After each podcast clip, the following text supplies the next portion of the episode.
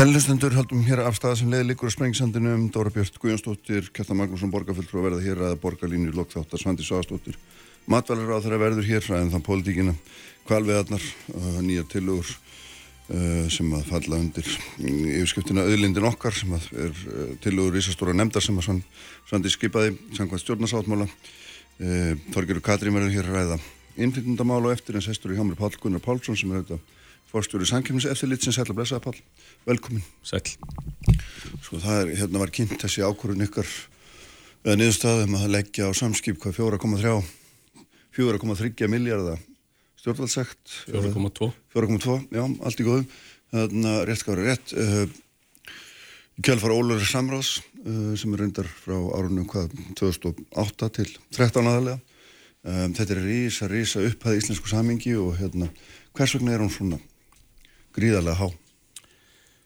Já, hún er, um, hún er nú reyndar verulega mikið innan þeirra marka sem að lög leifa á Íslandi mm, mm. Uh, en við ákvörðun sagt að þessu tægi eins og er ítalega raukstuð í, í ákvörðunni þá er litið til auðvitað alvarleika brots, mm. tímalengda brots mikilvægis markaðurinn sem undir er eins og, eins og mann geta ímynda sér að flutningamarkaður í auðu út í allanshafi eh, skiptir mjög miklu máli fyrir alla, allt atvinnulíf og neytendur á Íslandi um, hér er samráð millir tækja fyrirtækja sem voru nánast einráð á þeim markaði, það er hort til þess og, og það er hort til þess líka að þessi brot átti sér stað á tímum þar sem að, að efnarslíf á Íslandi var í átti í vöka verjast mm. og þar með almenningur líka mm.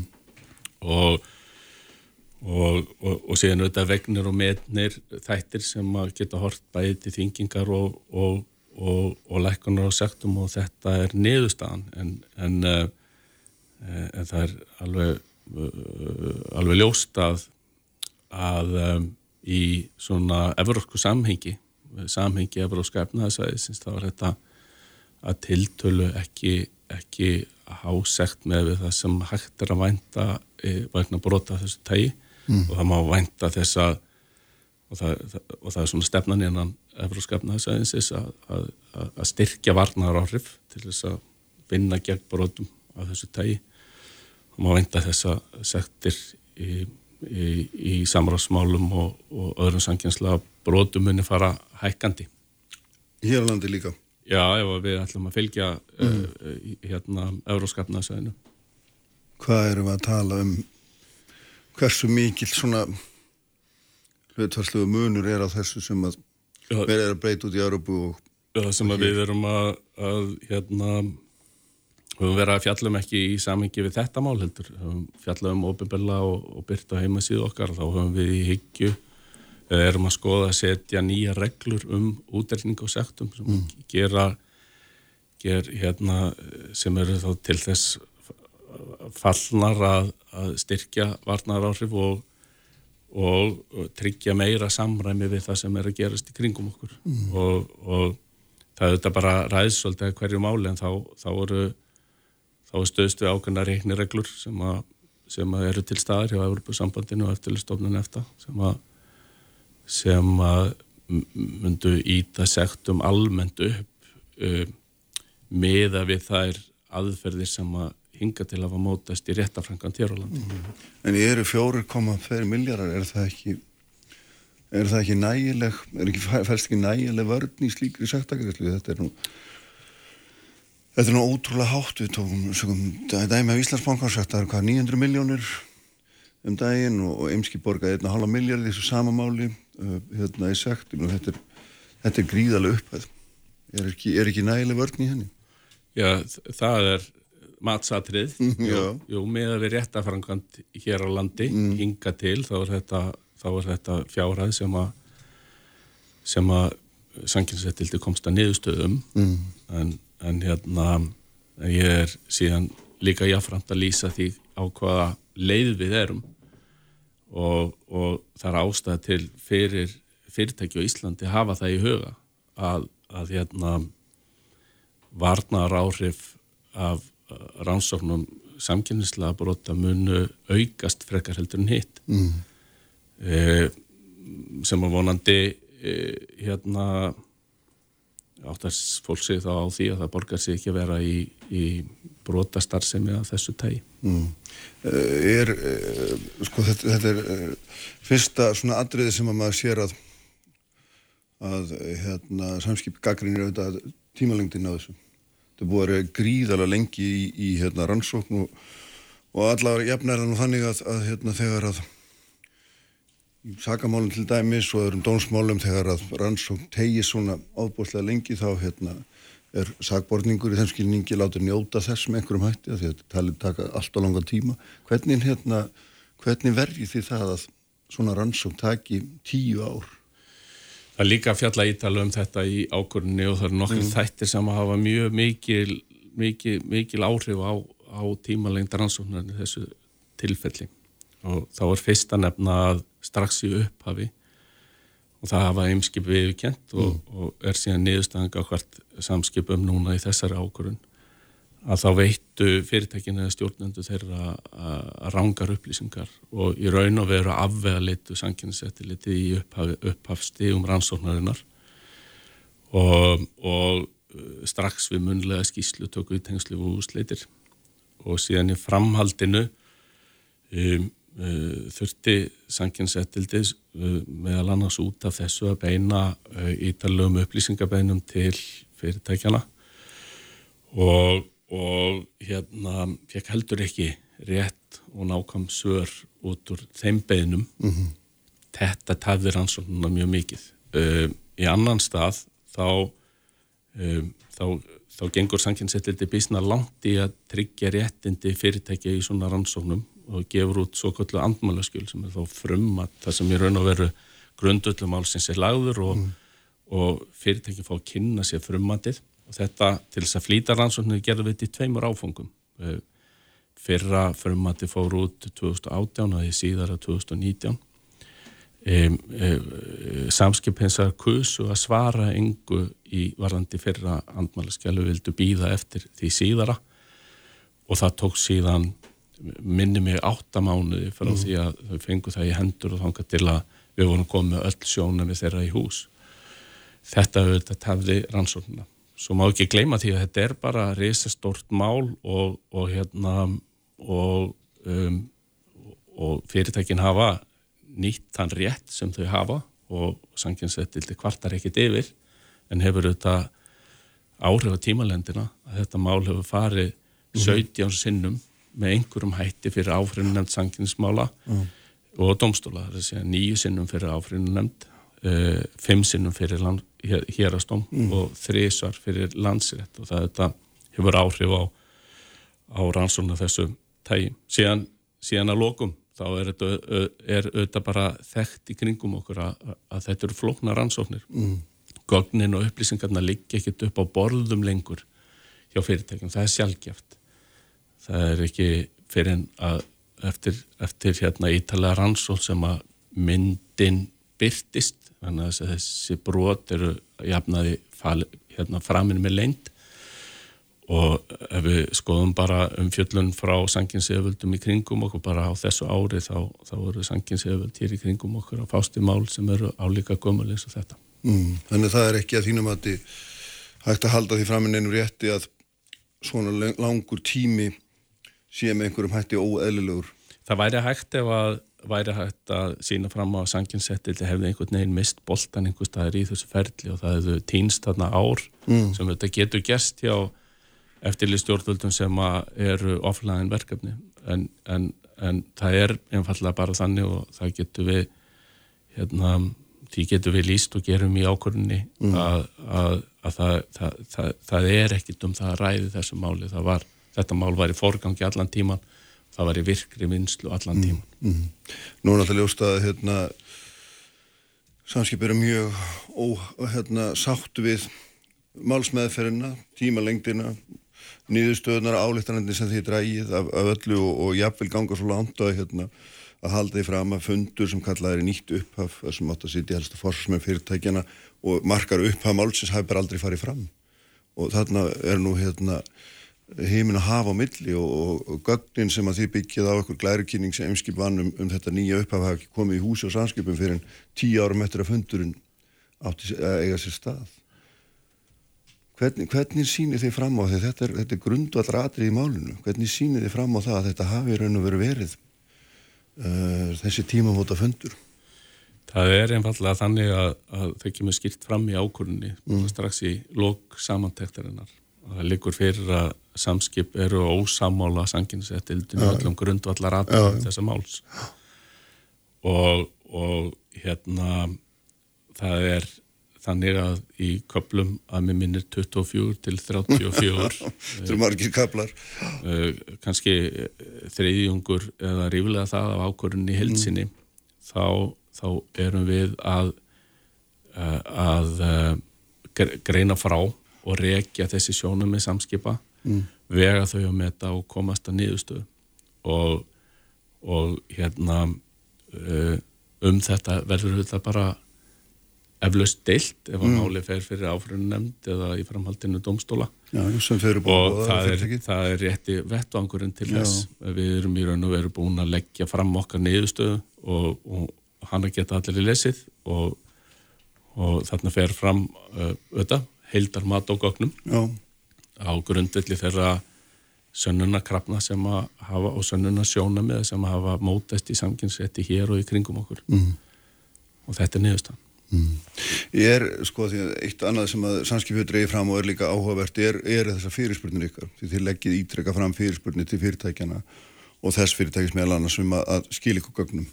Og þetta eru fyrirspurnir í sko tögum liða það sem er krafist er nákvæmra gagna um öll samtöl, öll síntöl, öll tölupússamskipti, öll samskipti á samfélagsmiðlu og svo framvegs og framvegs og framvegs. Þetta er ótrúlega ítalegt og ótrúlega íþingjandi fyrir fyrirtæki hlýtur að vera að þurfa að bregðast við þessu ítrekkaði gegnum svona langan tíma.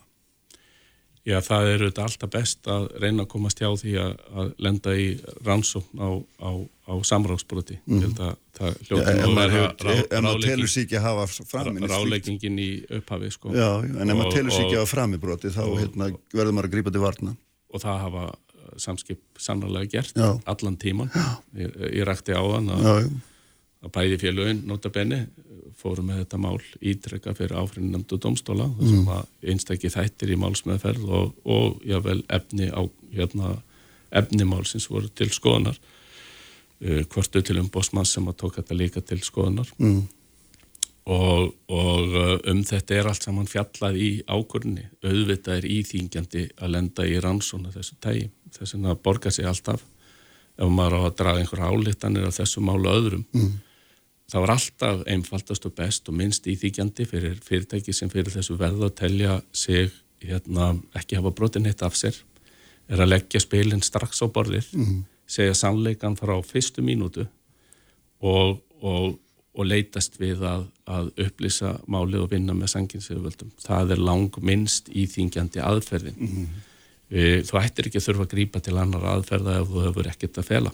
Nei, það má kannski sem er rétt að segja það en en þegar þú kemur kannski mörgum árum síðar spyrð fólk hvað fór fram á þessum fundi sem þú átti með þessum og hinnum fyrir nokkrum árum síðan töluðum þetta, maður stættir að vera talað um hitt er, hérna, hvað, þú veist það, svona, það er einlega bara búið að snúa sönnunabyrðinni við, því að menn samkvæmt því sem ég hef lesið í gegnum þetta þá er það oft hannig að, að menn þurfa að geta sínt fram á það að þeir hafi ekki rætt mál sem að varða samkeppni á einhverjum fundum sem þeir hafa sannlega setið mm -hmm. og hérna og ef það get ekki sínt fram það þá er ykkur heimilt að álita sem svo að það kunni hafa farið fram einhvers konar samráð eða skildar rétt Já, þarna ráðlegir líka stjórnundu fyrirtækja sem vilja vanda sig Já. að lesa kabla sem er minnur að sé nummið 47 í ákvörni mm. það sem er einmitt fjalla ítalega um þessi sönnunasjónum eða þessi sönnunarreglu sem gilda í, í samráðsbrotum og það er rétt að við tilteknar aðstæðu þá getur sönnunabyrðin snúist við en það er ymislegt að koma til til þess að það verði mm -hmm. kjarnar sönnunabyrðin kvílir alltaf á sanginseldildinu en þegar það eru tilteknar aðstæður uppi og, og, og leggja fyrir mjög sterk gögn um, hérna, um samráð og aðstæður og hátsemi og, og samikið hlutana þá getur komið til þess að fyrirtæki þurfa að sína fram og í gagsta að sína fram og að, að til dæmis um, um, mjög um, mikil innbyrðið samskipti mm. hérna hafi verið út af allt öðru heldur en, heldur en blasir við að gognunum mm. og heldar samingi málsins að, að, að hérna að sé þannig að, þannig að þetta er, þetta er eh, fjallar mjög ítala um þetta í ákvörðunni uh, annað sem að, að því að við erum að tala um samskipti já. þá held ég að sé ástæði til fyrir hérna, stjórnendu fyrirtæki að renna í gegnum að með minnir kapla 13 um samskipti í þessu máli mm -hmm. Og speikla sig í því sko uh, vegna þess að við lestur þess kapla vonandi átt að uh, marg, flesti sig á því að þetta er ekkert, ekkert mjög flókið sko mm -hmm. uh, að passa sig á á því að fara ekki yfir strikið og í, á heimasíðin í kynningu þessar ákvörðun undir spurt og svarað mm. er líka reyfun á því hvernig af því að við fáum átt þessa spurninga býtum má maður ekki neitt? Já, já. það er og kórin hérna í, í auðlýsingunni það má ekki lengur sko.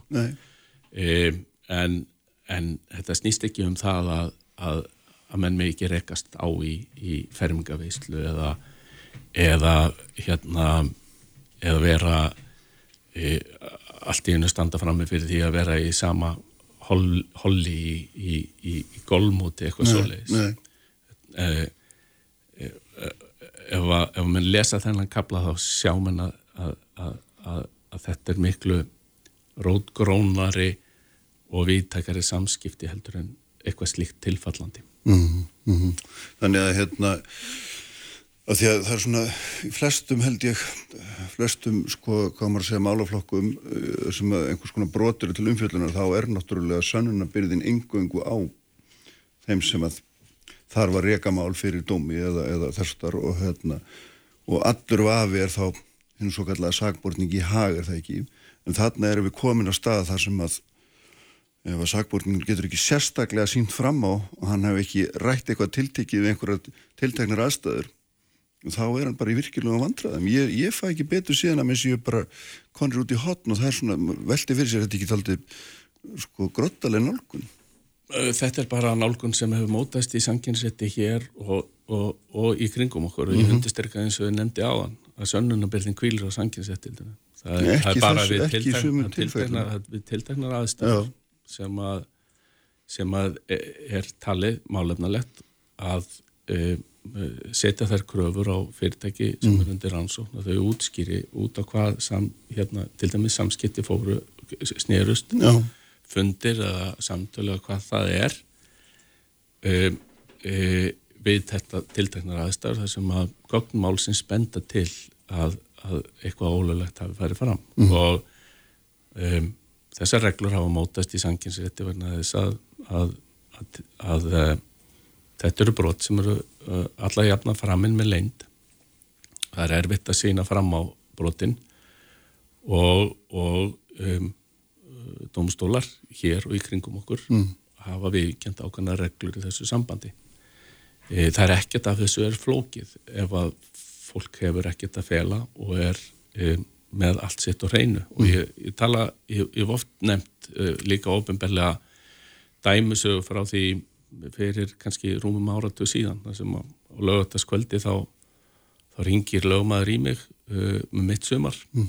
og, og hann segist vera umbjóðandi hans sé ellendur stjórnandi fyrirtækis hér á landi og, og hann sé núna nýkomin í veiðihús og hann átti sig á því að hann sé að gista hann í veiðihúsi og sé holli með aðal keppinutnum á mhm. Íslandi, fóstjóra hérna, aðal keppinutarins og hún líður bara verulega illa með þetta mm -hmm. en þannig að hann áttar sig á því að sé tilbaka ef eitthvað fyrir úrskis í starfi félagana og þau lenda í rannsók þá kann þetta líta tortirnislega út að þeir séu þarna saman. Mm. Hann grýpur til þess rás að ringja í lögmannin og, og þeir ákveða bara að upplýsa sanginsettilti strax um þetta. Mm -hmm. Þannig að hann líður ítla með þetta og ég gleyma aldrei setningunni sem er afsökunarbeininni sem kom frá lögmannin og mm. hann, hann, hann, hann afsakaði sig uh, að vera törfla mig en, en það væri bara þannig að, að að umbjóndi hans kæmi úr umhverju þessum svona hlutir verður teknir alvarlega. Mm. Við erum í litlu samfélagi en við þurfum að passa okkur. Mm. Þannig að, að samráð fyrirtækja getur haft svo sérstaklega vond áhrif á almenning e, og, og efnaðslífið á Íslandi vegna þess að við erum lítið samfélag mm. og það er auðvelt að ná fram brotum og hagnast á þeim. En myndur það sem sagt ráðleggja uh, fram á mönnum í fyrirtækjum sem er í samkynnsræsti ef að svona atvið kæmi upp eða verður þetta að lýsa að sleppa því að fara. Ég meina, er, gengur þetta svo langt vegna þess að eitt er náttúrulega að vera á einhverjum stað með einhverju fólki, annað er að tala við það og þriðja er síðan að tala um eitthvað ákveð og fjóruða er síðan að gera eitthvað í því sem kann að hafa verið rætt. Ef að fyrirtæki og stjórnendur þeirra hafa allt sitt og reyn og þau mm. eru fullvísum það að þessu engin samskipt á milli fyrirtækjana, þessi ekkert hérna, e, að gerast sem að geti skapa tortrinni og þetta er tilfallandi samskipti mm. um, sem að enginn hafi skipulagt fyrirfram þá alla jafna þarf ekki að hafa ágjörð af þessu guðanabænum hérna, ég er ekki að hérna, kalla eftir því að það ringi allir fyrirtækja fórstjóðir í mig þegar þeir hérna, hitta keppinu sko. en þetta er ekki svona flókið Nei. E, ef að þú ert með allt þetta reynu þá þarf þetta ekki að hafa ágjörð af þessu mm -hmm. ef að hins vegar fyrirtækin eru í einhverjum samskiptum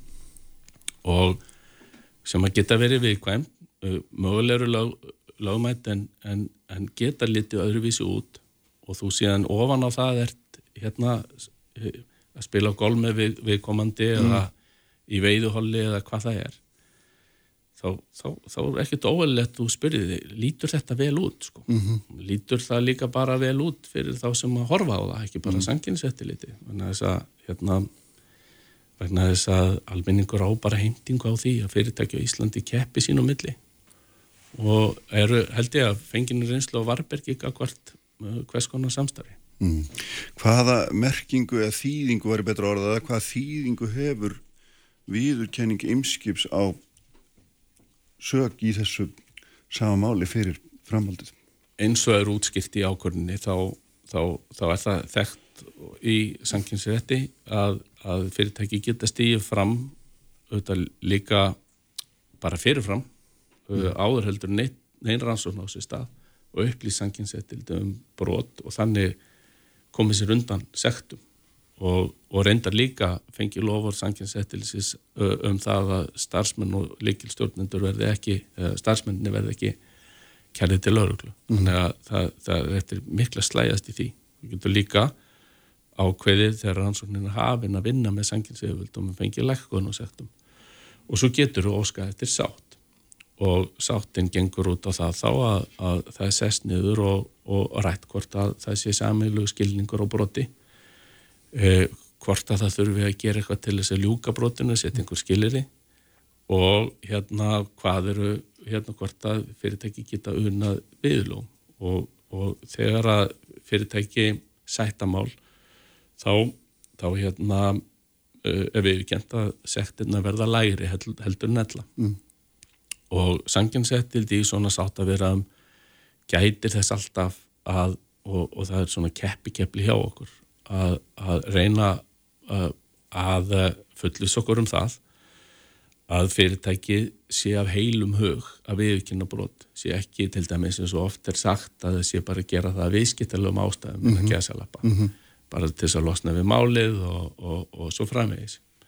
Þannig að við göngur um skugga um að svo sé ekki venna þess að við viljum ekki sætta mál nema að það sé heill hugur þar að baki. Mm -hmm. Og í þessu tilveiki þá blasir við okkur og sérstuða af ákurunni að viðurkenning eimskips er í fullu samræmi við gogn málsins.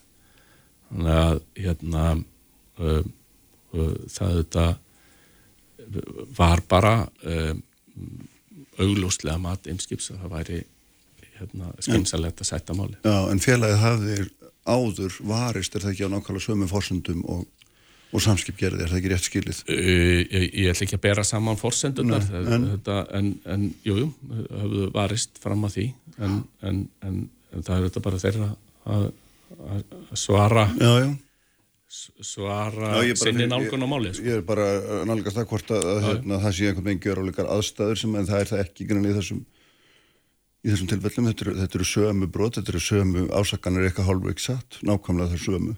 Já, þetta er sama hátseminn sem er hann undir og þetta er rannsónar Já, hvað hérna hvað, hvað gerist næst í þessu? Því nú er þetta búið að taka þessi tíu ár og, og mér sýnist á andmælum fyrirtæksin sem umræði núna að hérna, þess verið freistað að nekja ykkar, ykkar úrskurði? Já, það sem gerist á okkar hálfu er að við er, ætlum að læra af þessu máli mm -hmm. og við vonast til þess að aðri gera það líka og þess vegna gáum við fyrst aðeins út álit sem er okkar aðferð til þess að beina tilmælum til stjórnvalda. Eh, við beindum því til einvæðar á þeirra faksaflóhafna, Reykjavík og Borgar og annara sveitafélag og við erum að benda kannski á þrendi þessu sambandi. Í fyrsta mm lagi þá skiptir mjög miklu máli að minka og lækka aðgámshindranir inn á í, í, í, í sjóflýtningum til og frá landinu. Og um, e, samskip og heimskip þau halda ánaðir allir aðstöðu á Ísundahöfn og, og það er erfitt fyrir aðra eða ekki útiloka að komast þar inn. Mm. allanskip og maður skal skemmti því hérna um árið e, hérna stundagi sanginni hér um nokkra hríð en uh, höfðu þá sög að segja að, að eitt af því sem að stóð þeim fyrir þrjum var hérna aðst aðstæður sem að væri eitthvað sambarilega því sem keppinutandi bjöku við. Aðrir hafa reynd og, og, og fagsaflóðahafnir hafa verið að skoða þetta núna um allan skeiðin svo er ræki álitinu en það verið ekkit gerst. Þarna þurfa skipulags yfirvöld, innvegar á þeirra mm -hmm. og fagsaflóðahafnir sjálfur að taka sér saman og leysa þessi mál. Og ef það er ekki hægt að leysa það í sundaröf þá þarf að leysa það annar staðir hérna á góðum staði kringum okkur. Mm -hmm.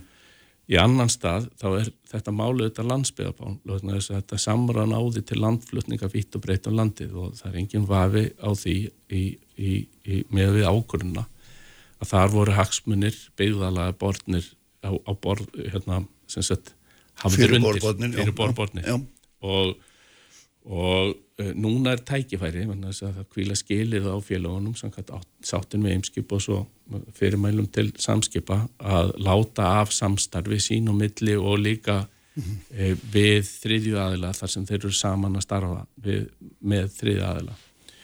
Og, og það er hægt að vinna út úr þessu þannig að, að það hérna, eflist samkjöfni einirkjar getur komist inn og markaði svo framvegis.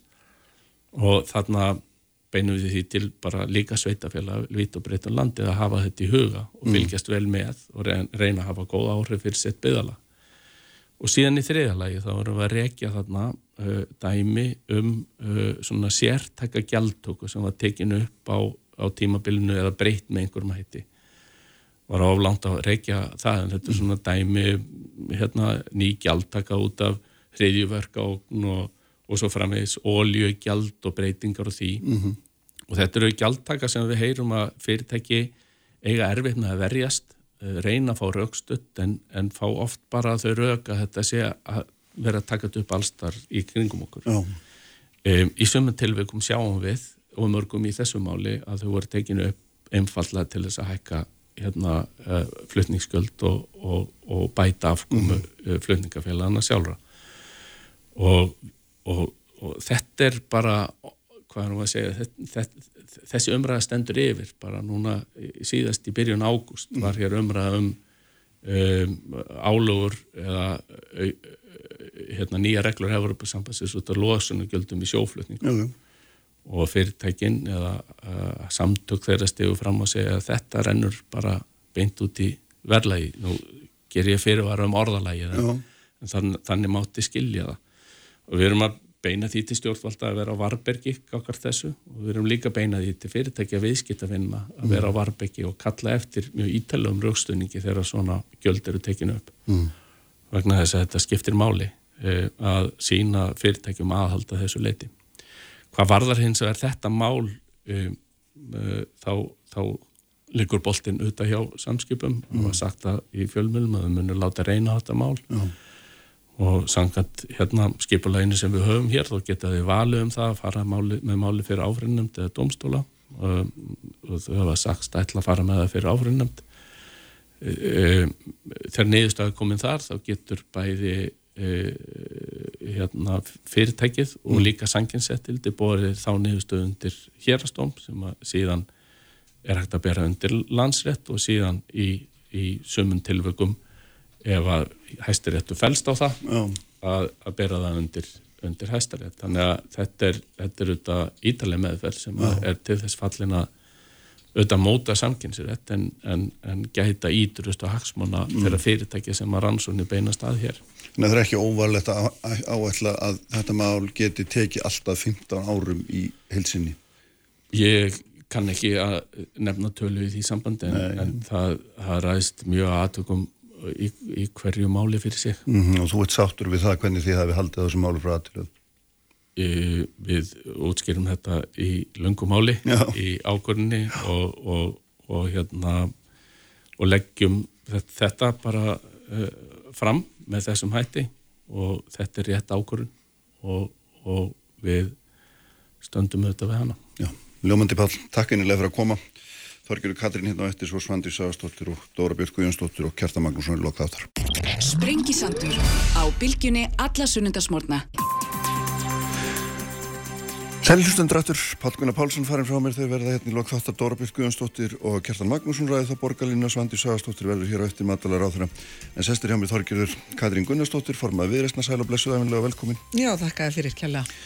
Þú sendir fórsettisraðra bref uh, og hérna þar sem þú lístir því, þeim vilja þínum að formenn stjórnmálaflokkana settist nú niður og kæmist að einhvers konar samkomla í, í innflytundamálum. Þetta er nú einn svona og varðaði bæði uh, þá sem sækjum alþjóðlega vend og ekki síður bara almennt talað í innflytundamálum sem eru hérna, stór málflokkur, þetta er nú kannski bara eitt af viðkvæmasti sem við erum að fjalla um í samtímanum, ekki bara íslningar heldur, heldur þjóður heims Já, og hérna, hvað svona, hvað, eftir hverja ert að leita þarna? Já, eins og þú segir réttilega, þetta er mjög viðkvæmi málaflokkur og hefur síðustu árin í rauninni gæst enn viðkvæmari en líka mikilvægari og, og ég sjálf er allavega að upplifa svona aðeins meiri polarisengu í íslensku samfélagi heldur en vara árum áður og síðan lítum við bara til Evrópu og, mm. og sjáum, við erum að sjá að, að það er ástæða fyrir því að til að mynda að við erum að upplifa velgengni svíþjóðdemokratana ég með, fylgist vel með þýskri pólitík, við erum að sjá núna uppgangi í Týringen og Saxon og Saxon Anhalt uh, hjá AFD Alternatífi fyrir Deutschland, það er sérsagt svona öfgahægri flokkur já, já sem byggir allt sitt á, á því að tortryggja útlendinga og, og svona svipað og svíþjóðdemokrátinir. Ég er ekki endilega að segja að þetta sé nákvæmlega þetta sem er að gerast á Íslandi, en þetta getur gerst. Mm -hmm. Um, eftir síðustu helgi að þá uh, var það þannig að þá voru flokksað vinsturgræna og sjálfstæðisflokksins voru með, með fulltrúarásfund og ég hafði sett þetta brefnir á blad fyrir þá helgi og svo hugsaði, já, nei, já, ég ætla kannski aðeins að býða með þetta. Mm. En síðan kem, kemur niðurst af flokksásfunduna og þær eru bara í sikkvara áttina í, í útlendingamálum. Uh, og gott og vel þá ákvað ég að senda þetta brefa því að ég tel mjög mikilvægt að við hleypum þessu ekki frá okkur og við leifum ekki jöðrónum að ráða í þessu, þessu máli og við erum með góða sög og það var einmitt fórustu fólk innan sjálfstæðisflokksins sem mm. hafði uh, forgöngu það að, að náð verðpolítisku sátt, annars vegar Hanna Birna Kristjánsdóttir sem að Uh, skipaði þverrpolítíska nefnd í málefnum útlendinga og síðan þegar Ólið Nordal heitinn tók við að þá fylgdi hún eftir þeirri vinnu og þeirri þverrpolítískri vinnu að fullra einust mm. og ég man að þau samtöl sem að, uh, við áttum á sínum tíma að, að hún gerði sér mjög vel grein fyrir því hversu viðkvæmi nákvæmlega þessi málaflokkur er. Síðan þá er búið að gerast mjög margt.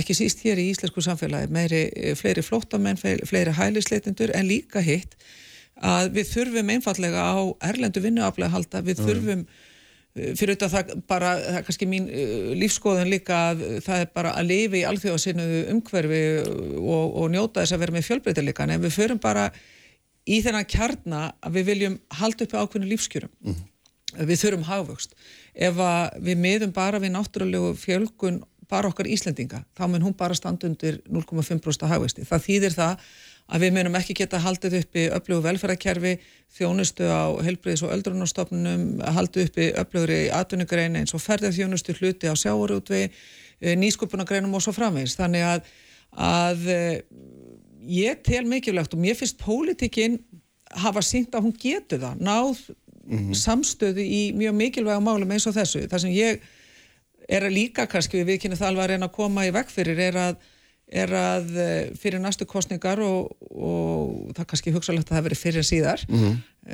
að, að það verði hér eh, fyrst og fremst talað um útlendinga og ítundi polariseiningu í íslensku samfélagi þegar við þurfum á því að halda að, að fókusera á efnagasmálinn, fókusera á loslasmálinn, einblín á uh, heilbriðs og öldrunarþjónustuna og svo framvegs, mm -hmm. þá er ég svona, kannski, ég viðkynna það að ég líka svolítið að reyna að aftengja umræðan um útlendingamálinn af því að ég hef trúaði að mm -hmm. stjórnmáli geti náð skynnsamri niðurstuði þessu máli. Já, það verður hérna, mjög vel gert hjá þér ef það gengur upp, það verður að segja að þetta ég... er viðkomast að pólitíska máli í öllum okkar nágrannríkjum meirið að minna og búa að vera í ára tugi, þú nefndi nú Þískaland, Tyrkneski minnhutin þar og svo framvis og framvis. En ég hef fengið svar frá Katrínu.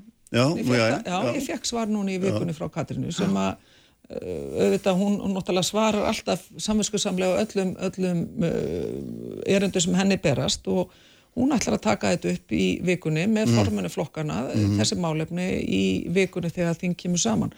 Þannig að, að bæði orðið eru til alls fyrst og, og það að við setjumst niður finnst mér vera einfallega mjög jákvægt skref að hún ætla að beita sér fyrir því að við eh, ræðum þetta formunu. Eftir hvaða nýðustuðu ert að sækjast í raun og veru?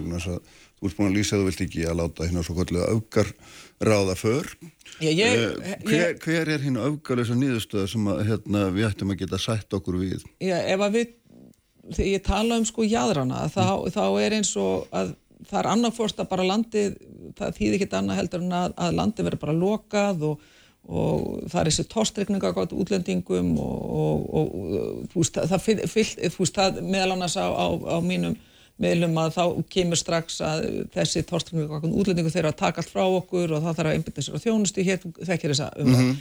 og síðan er hitt að, að, að landi verði að galopið og við sem bara vondar manneskjur ef við höfum ekki landið allt galopið það er eitthvað annað er þetta í bóði Nú, að hvað er það og það er það sem ég er að segja við höfum, sko stefna viðrisnar í þessum málum hún er, hún er mjög, mjög skýr. Við leggjum áherslu á mannulega stefnu í málefnum flóttafólks og við viljum tryggja um bæði rétt til náms, til vinnu, ákveðna þjónustu. Við viljum að það verði sett fram heilstæð uh, aðgerra átlun í málefnu fólks á erlendum uppbruna þannig að okkar stefn er alveg skýr mm -hmm. og við hefum sagt við viljum líta til Kanada. Við viljum líka meðal annars líta til Norrlandana, það eru er áherslu mismunandi. Mjög svo. En, ja, mjög svo, mm. en, en við höfum meðal annars sagt að, að Nóriður er, er ágætið stæð með það hvernig uh, hefur þó verið þokkarlega þessu staði. Ekkit af þessu löndum er að gera þetta á fullkomun hátt, en það eru samt svona ákveðin leiðaljós sem að ég held að, að þessu hópur uh, þverst á, á flokka ætti að geta rætt sig niður á. Niður á. Við sjáum það til dæmis að, að lögjumir sem að ríkisvotnin beitti sér fyrir og var samþygt ég er sammálað þeirri neyðustuða að við eigum að fylgja lögum, annað væri nú sko, mm -hmm. en þegar ríkistjónin getur ekki einu sinni verið með sama skilning við ríkistjónaborðið, setur frá þrjú mismunandi lögfræðalit, að þá er slík óvisa, hún er vond fyrir, fyrir landið okkar, mm -hmm. vond fyrir það hvaða útlendingastefnu við, við, við setjum fram og hún er auðvitað líka vond fyrir fólki mjög viðkvæmri stöðu til dæmis á, á flotta. Mm. Þannig að, að það hafa verið alls konar, hefur verið alls konar umræði í gangi hvernig hvort það hefur vera uh, hérna, alls konar mótökubúðir og svo framvegs. Það er engin einn skilgreining sem að ríkistjóðun hefur sett fram sem að, sem að fólk getur komið sér saman um. Þess vegna held ég að að við þurfum að setjast niður mm. og, og fá nokkur veginn sameiginlega skilning um það. Við gáttum það eins og ég segi 2016. Já, en þá var, vor, ég, þá var málið allt öruvísi vaksið og ekki nærri því að viðkvæmta eins og það er í dag. Algjörlega, mm. en það var samt þannig að það voru ákveði málöfni sem voru, voru viðkvæmt. Þess vegna var sett niður mm. þær politísk uh, nefnd og ég einfallega ætla að leifa mér að vera það bjart sín að þessi hópur geti tala sér nýra á niðurstöðu eða komið sér saman um ákveði ferli til mm. þess að, að vinna þvert að flokka í, í þessu. Hvaða máli finnst þið kostnæðurinn skipta? Finnst þið þetta vendakerfi vera á dýftaði? Það er eitt af því sem að þeir sem að svona eru komið að segja lókuna megin aðeins hérna, gaggrína mjög harta þetta sé komið fram úr fram úr öllu sem eðlitt geti talist Já, sko við það sem ég er að byggja um auðvilt að segja er mm. að það sé skynsemi, að það sé mannúð sem að ráði og líka raunsæ. Uh, þegar ég segja að það er ekki hægt að hafa landið allt galopið, það þýðir það að það er einhverja takmarkanir. Uh, Kanada hefur til að mynda sett fram ákveðna takmark meðal annars í, í formi fjármaks og ég segi sem uh, formaði flokk sem að hefur verið og við erum verist verið mjög uh, sko aðgangshörga hvort ríkistjórnir er varandi aðhald í ríkisfjármuna auðvitað gildir svo aðhaldskræfa líka á þessu sviði sem öðrum. Ég ætla ekki að draga uh, fjöður yfir, yfir það. En það breytir ekki því að við erum að upplifa aftur og aftur mjög skringilega meðferð á, á, á málsmeðferð uh, meðal annars tiltekina einstaklinga, bæði mm. fjölskyldna og ég held að við séum og ég vona að við séum svona flest öll samanlega um það að það er fjölskyldu sem að hafa aðlæða sig hér að samfélaginu sem að hverja komnar til vinnu börn á leikskóla hafa lagt sér fram um að læra íslensku og bara taka þátt í íslensku samfélagi mm -hmm. það er dómadagstella að vera að vísa þessum, í, í hvaða kerfið þau koma upprunnulega það er alltaf raukin og við getum ekki verið að færa fólk á milli kerfa ef við erum með þannig kerfi Kristján mm -hmm. að það er ekki að, að klára af, uh, umsóknir og afgriðslu það fljótt að fólk verður hér í 2, 3, 4 og 5 ár að þá held ég að það er komin annar, aðrar breytur inn í, inn í það ferli allt sem mm -hmm. að mhm. verður að, að meta og þess vegna er þessi áhersla sem ég lega á fústkynnsama mannúðlega líka raunsæja og raunsæja virkar inn í þetta kerfi, kerfi líka um, en það þýðir líka að, að þegar það er komið negi ferlið og það líkur alveg skýrt fyrir uh, hvað á að gera og fólk þarf að fara á mm. landi mm. þá verður líka fólk að fara á landi Já, en hvað hva, hérna, hvað sáum við þessar aðstæðu skapast núna en daginn þegar að hérna einhverjar Já, hún er fyrst talað um 50, ég miskist nú að það hefur verið sjömann sem hafa mm. bóstæðilega farið á göduna, það áttu ekki hverki, gáttu hverki hérna, hafið sína hallað. Mm. Uh, átt að á landi, vildu það ekki, gáttu það ekki, veit það ekki, skiptir ekki alveg alveg málið, þau allavega fóru ekki, þau eru einhverstaðar hérna í heimið einhverjum öðrum eða í tjaldengstar, ég veit ekki hvað svo sem það kann að vera. Hva, hvað finnst þér að gera í þessu? Finnst þér, hérna, finnst þér hugmyndur um eitthvað svona lokaðar búðir eða eitthvað slíkt? Er það eitthvað sem það til þín eða hvað myndur þau vilja gera? Já, það er eitt af því sem við í þingfloknum meðal annars höfum talað um að, að við erum tilbúin til þess að, að ræða einhverja til dæmis mótökumistuð strax þegar, þegar fólk kemur með ákveðni stýringu En það sem hefur gerst ávakt meðal annars þessara ríkistjóðnar, án þess að ég vilji, að ég er að reyna að forðast í að tala um þetta sem stjórnstjóðnar anstæði, en mm -hmm. það mhm. hefur samt gerst ávakt þessara ríkistjóðnar að það er mjög óljóst um hvað verið að tala. Og þess vegna erum við að upplifa uh, mjög mismunandri álíktanir hjá ríkistjóðnarflokkum í útlendingamálu við erum að upplifa þessi, þessi mismunandi sín á hvað lögjöfni raunni, raunni þýðir.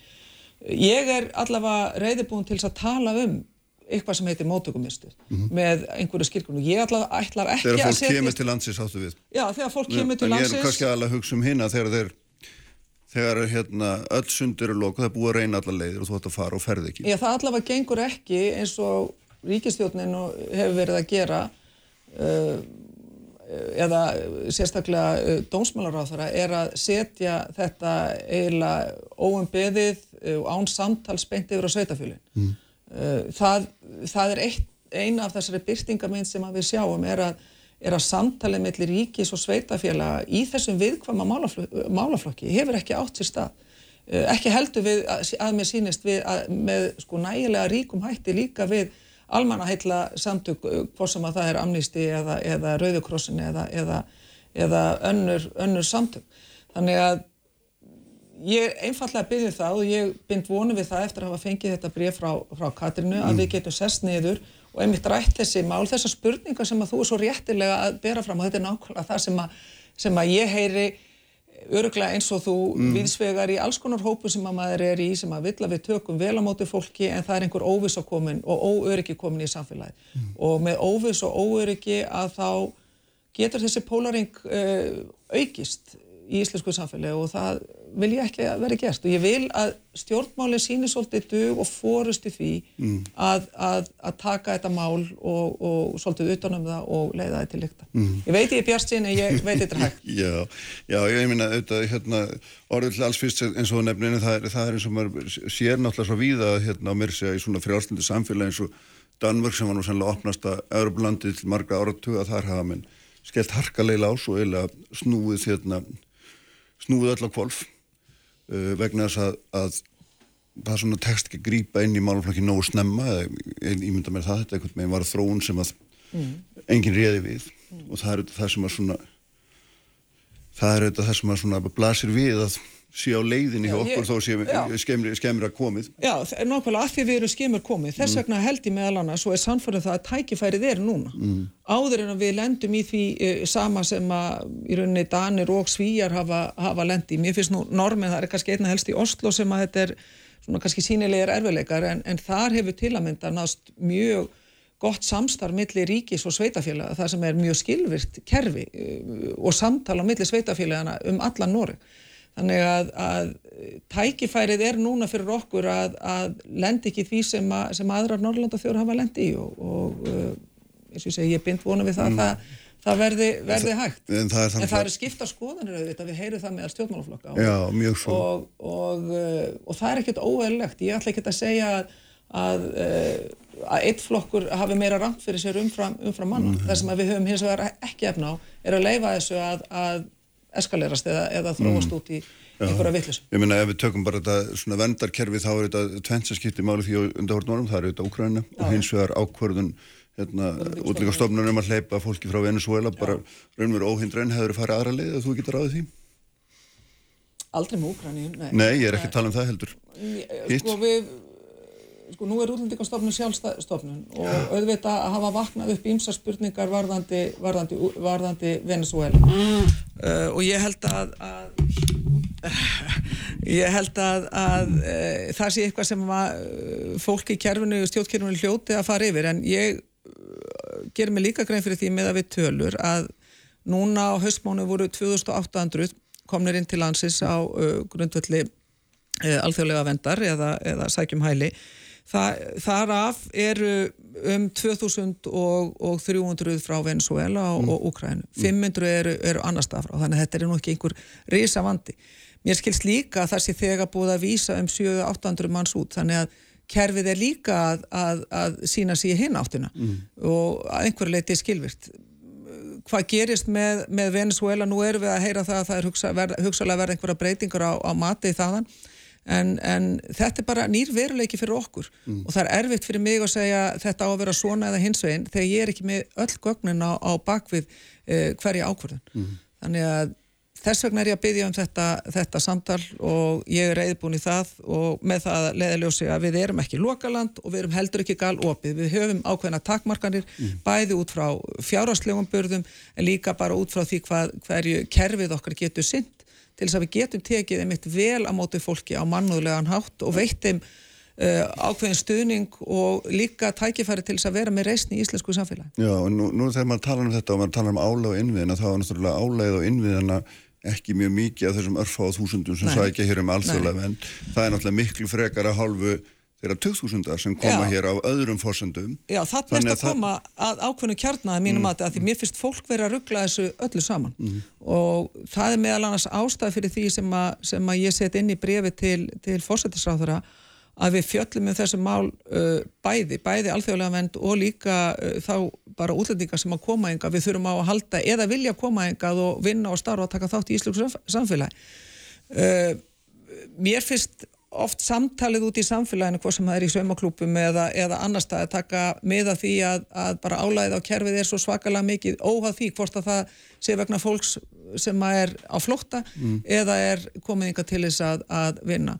Uh, ferðarþjónustan hennar þanþól uh, er búið að vera mjög mikið en það hefur lít, leika leitt af sér gríðalegt álag á, á, á aðra innviði eh, samfélagsins og það er líka umræði sem ég heyri og ég fagna að bæði er, er að eiga sér staðina ríkistjórnar en, en líka bara almennt í, í pólitíkinni og hún er hluti af því sem við þurfum að taka inn í þegar við ræðum uh, um útlendingamál. Já, og því ætli þess að hittast á formenn stjórnmálaflokkar núna í, í vikunni. Já, með að við það, já, í næstu viku, eða, Næstu viku, sem sagt. Mhm. þegar þing kemur saman og, og uh, ég ætla bara að þakka henni, ég er nú ekki búin að skrifa henni tilbaka, ég þakka henni Katrínu hér með fyrir, Já, fyrir það að hafa svarað eins og hennar er vona að vísa eh, skýrt og, og skorudóst. Já, ljómandi. Takk fyrir að koma Þorgerur. Takk fyrir mig. Svandi Sagastóttir hérna eftir augnablík. Kraftmikil umræða, alla sunnudasmórna, sprengisandur á bylgjunni. Hjá mér er nú sest Svandi Sagastóttir, matalega ráður hans, blessu, velkomin. Takk. Sko, hérna, Það er kannski mín skömm en ég spáði því að þú myndir annarkort þurfa að sprengja þinn einn flokk eða ríkstjórnuna í þessu kvalveðimáli en þú, Svo gerði ég bara kvorugt. þú gerði kvorugt þér tókst einhvern veginn að hérna, sigla milli skers og báru í mjög viðkvæmi máli. Og þarna vitni nú í þig sjálfa þú sagði nú hérna held ég síðastur varstjámið þú verður eldri en tvæfitur í pólitík og það er nú vist alveg ljóst. En, en sko hérna, hvað er það að þínu mati núna sem að gerir að verkum að þú getur svona, hefur samskullega heimila þar sem að þú bara alls ekki vildir heimila fyrir raunar fáum vikum? Sko eh, í raun og veru formið er í raun og veru það sko að um, þegar að ég stend frammi fyrir þessari stöðu þarna í júni að um, fagráðið og matalstofnun segir að það sé þannig að veiðar og langreiðin get ekki farið fram í samræmi við uh, kröfulagum kvalveðar og lagum um velferð dýra og þá er ég í raun og veru þeirri stöðu að þurfa uh, að fresta upp að við veiðana. Þannig gæfist tími til að rannsaka hvort und væri að gera úrbætur. Mhm. Uh, en í áliti fagrásins þá var sagt að það væri vandséð að slíkt væri hægt. Uh, getum við verið full vissum að þessari úrbætur dugi? Nei, við getum ekki verið það, en við getum hins vegar um, sagt að þessi starfsópur mm. fullir þér að það sé mögulegt.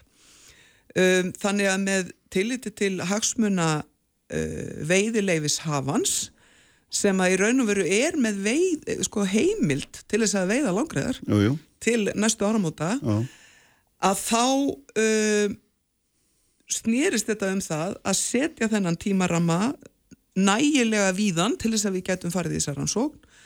En eins þröngan og hægt væri uh, með hagsmunni hans í, í huga uh, að leita leiða til þess að minka frávik við veðarnar. Þannig að það er það sem við gerum. Við setjum mjög ítalega reglugerð. Já. 15 liða reglugjörð Já, mjög nákvæm. Já, hún er mjög nákvæm og, og þar eru bæði svona efnisreglur og formreglur, reglur um skrásetningu, utanumhald og, og, og því um líkt. Uh, þar sem að gert er ráð fyrir því að hvert einasta tilvik og frávik sé skráð og greint. Mm. vegna þess að það hefur verið mi sko, mitt leðaljós í gegnum þetta allt að við þurfum að afla frekari gagna og það er í raun og verið ekki fyrir en með reglugerni sem ég sett í fyrra sumar að við vitum nákvæmlega hvað er þarna segði Mhm. uh, fram að því að þá var fólk svona kannski meira að skiptast á skoðunum um þetta mál frekar heldur en að segja heyrðu við þurfum að, að hérna uh, afla gagna, svo, svo það er gert og á grundvelli þeirra gagna þá hefur umræðan um kvalveðar kannski aldrei verið eins mikil eins og nákvæmlega núna. Og þá uh, í fyrsta sinn sem að uh, svo umræða er fyrst og fremst á grundvelli dýravelferðarsjóna með það og það sem er kannski tíðindi í þessu er það að þarna hafa 10% þjóðarinnar tekið upp þann eh, eins og ég orðaði einhvers staðar óþjóðlega sið að skipta um skoðun.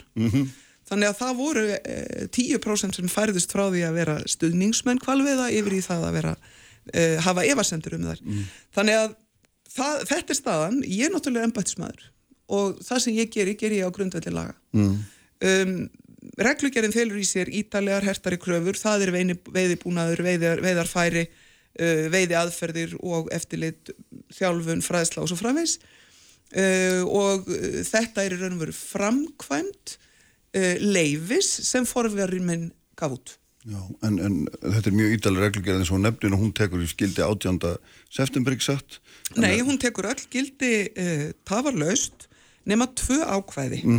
Það er annars vegar ákveðið um veiði uh, dagbók um, sem að er í raun og veru ákveðin svona formkrafa sem að þótti ekki málefnilegt að gera kröfur um með engum fyrirvara vegna þess að þetta uh, úttemtir svona ákveðna tæknilega vinnu og svo eitt hluti af námskeiði sem að þyrti að gefa aðilum uh, tíma til að undirbúa. Já. þannig að þessi tvö atriði uh, býða til 18. Uh, september.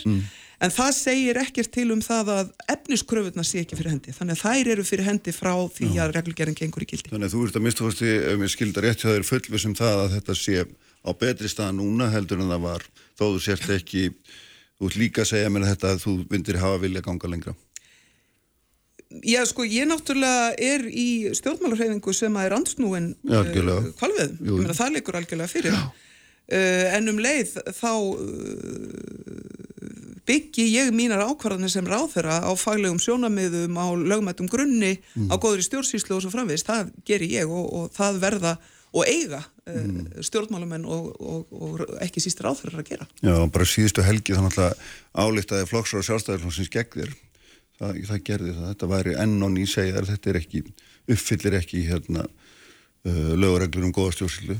Og, og hérna þingplassformaðurinn var mjög hardorður í grein sem hann skrifaði bara daginn áður en flokksfundurinn eða tveimur dögum áður en hann hófst. Hérna, mjög svipur og hann hafði áður beitt en það hefði gennilega ekkert breyst í þeirra huga um lögumæti ákvörðunar og hún spyr maður bara minna, og framsöknflokkurinn var líka hann á sama, sama stað hvernig getur þetta hægt svona áframskilur þegar hver handin er upp á móti annar innan þessara stjórnar sem á að leiða samfélagið áfram? Já, sko ég hérna ætla nú ekki að tjá mig um, um svona, hvað ég að segja innan flokks uh, álektanir uh, annara flokka mm -hmm.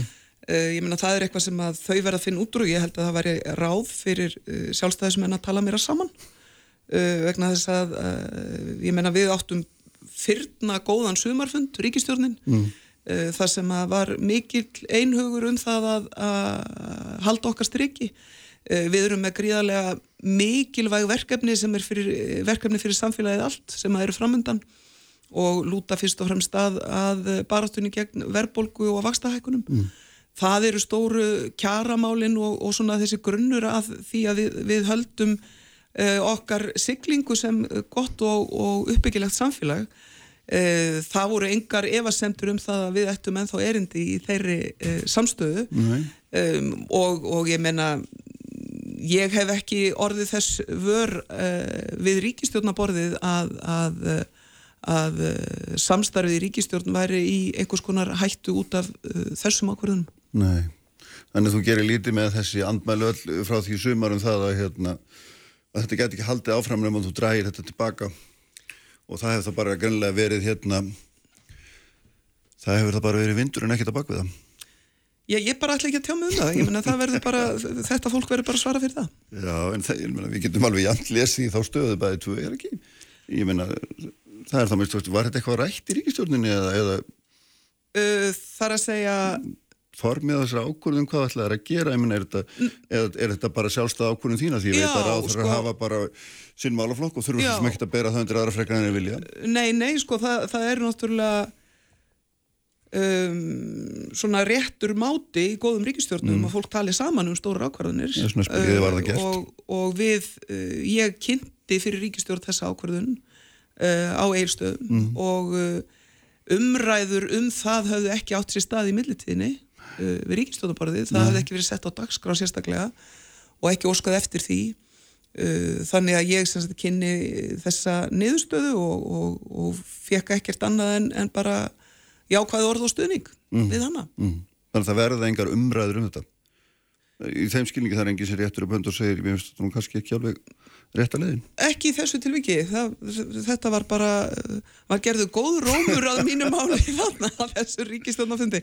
Ég menna auðvitað er, er hérna Uh, ríkistjórnin er alltaf samsett af, af fóristu fólki í stjórnmálum og, og eins og gefur að skilja þá er þar oft uh, svona vettvangur pólitískra umræðina og, og, og skára verða nú uh, en í þessu tilviki var, var þetta frekar skýrt mm.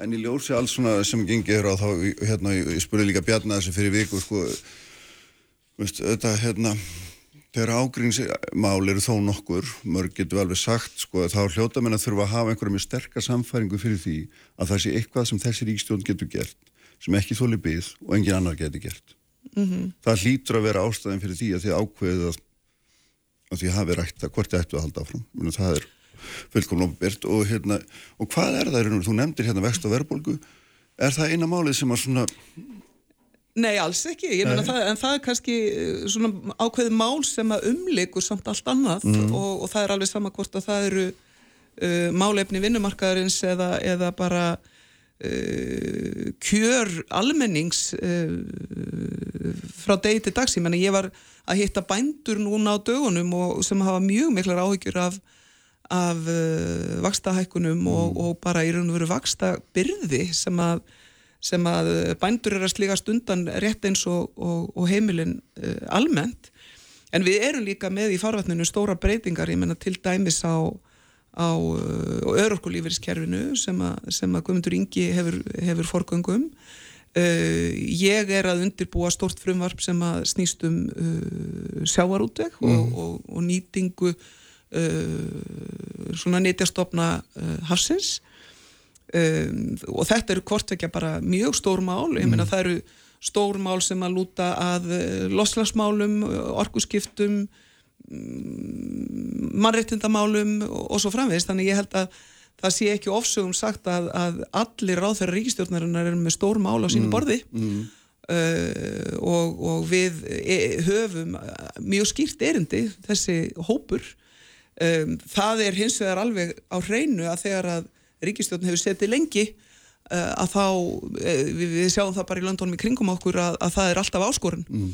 Uh, og, og svona stuðningur við ríkistjórnir að jafna það dregur úr þeim stuðningi já. eftir því sem árin líða já, já.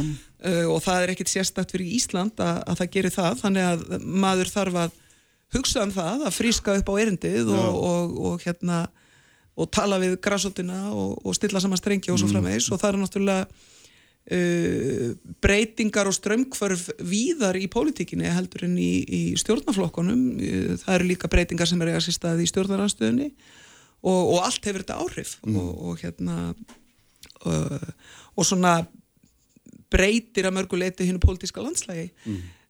við á vinstrivagnum við erum vönd því að, að hafa þurft að eiga við alls konar svona álitamál og, og, og þegar við vorum í ríkistjórn 9-13 og það voru ímiskonar átök eh, innan já, búðar já, og, aldeilis, og svo framvegis.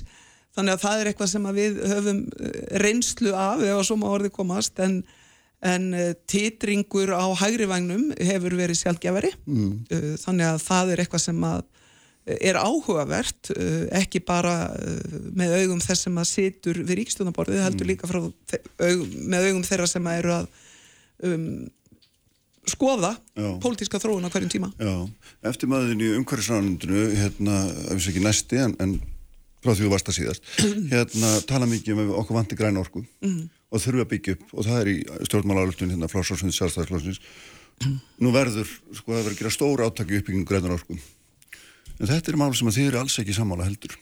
Og þetta er rísa stórt mál. Já, sko, það sem að mér hefur fundið skipta mestu máli í, í þessum efnum og, og ég er, eh, þó að, þó að orkumálinn sé nú ekki að mínu borði og, og ekki, ekki umhverfismálinn í eiginlegum skilningi að þá eru sannarlega loftslagsmálinn það. Mm.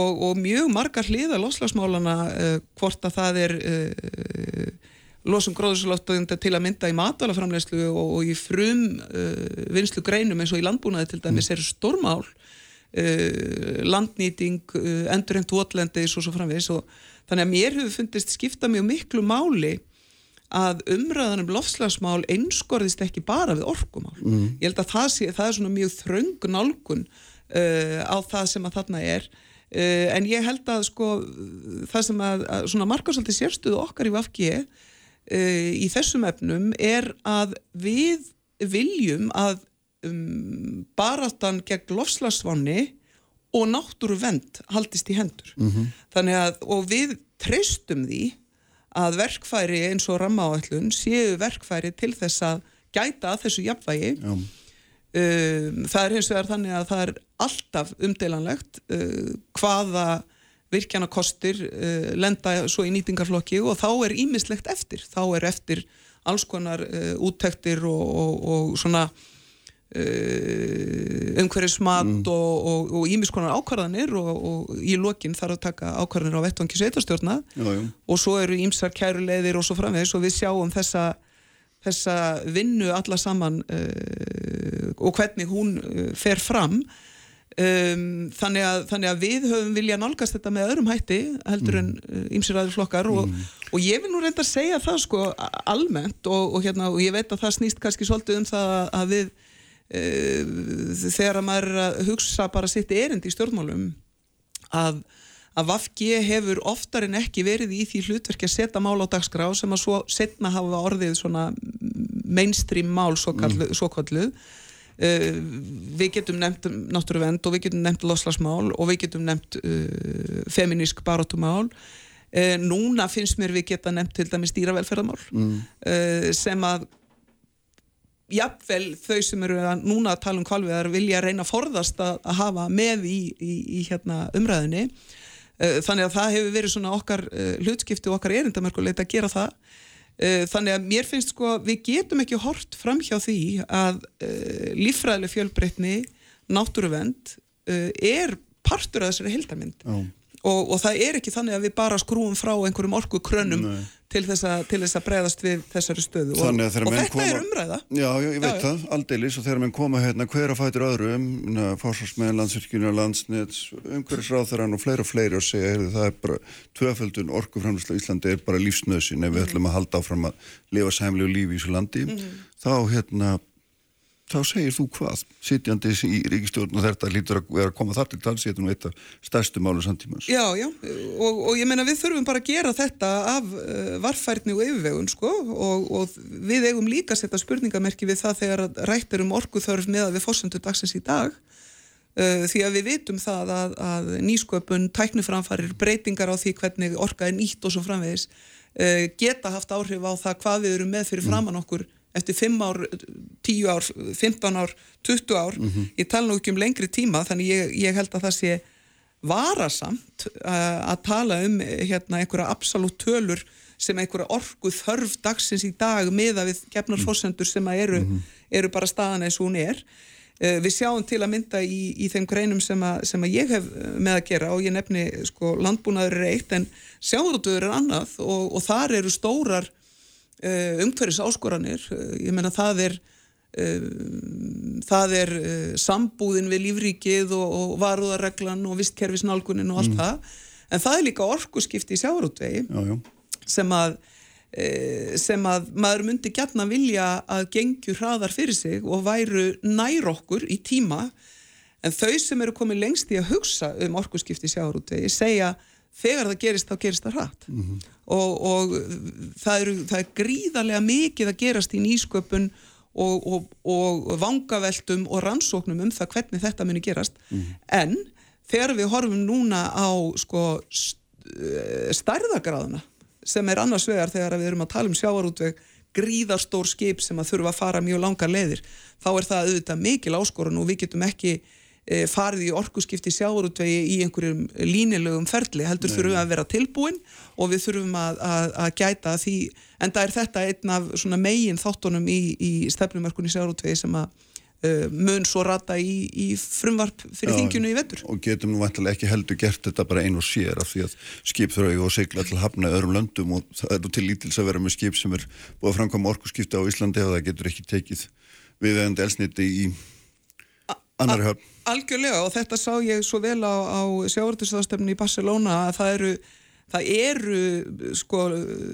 þessi, þessi svona sjávarútvökslönd og þessi strandriki mm. þau eru öll að hugsa um þetta mm. og eru komin mislangt í því og það skiptir gríðarlega miklu máli að eiga samtal uh, milli ríkja og milli fyrirtækja og svo framvegs í þessum efnum og það er verið að því Uh, því að eins og þú segir, það dugur ekkit að, að vera eiland í þessum öfnum við þurfum að, að vera í þessu uh, samstarfi, en ég held að sko þessi svona stefnupunktur grunnpunktur í uh, stefnumörkunni sjárutvegi sem að eru þessar auknu umhverfisáslur séu meðal þess sem að við getum uh, búið til um, meiri samstöðum í samfélaginu og markar svona einhvern grundvöll að uh, aukinni sátt í sjávartvegi mm.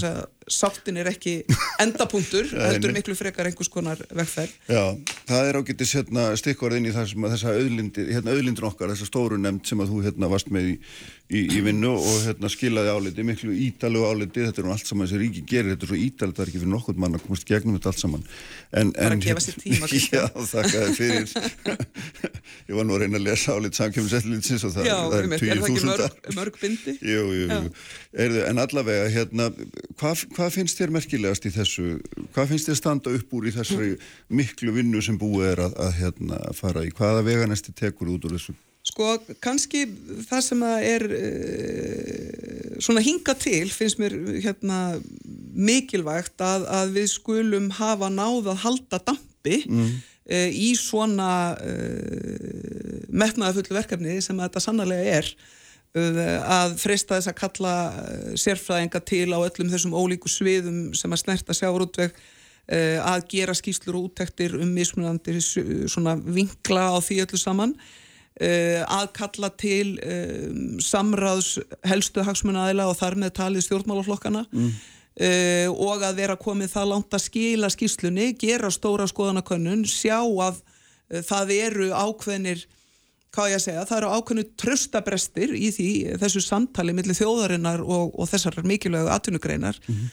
uh, sem að við getum bara hort í auguna og, og eigum að gera uh, og þá er það efnislega, kannski í fyrsta lagi þetta sem að lítur að uh, umhverfsmálunum sem ég var aðeins að nefna mm. núna og í öðru lagi það sem að lítur að gagsægi í sjárutvegi, það sem að við erum að leggja til að það sé ljóst og skýrt hvaða aðilar það eru sem raunverulega fara með yfiráð í mm. greinni og að uh, viðskipti með aflaheimildir komist upp á yfirborðið Já.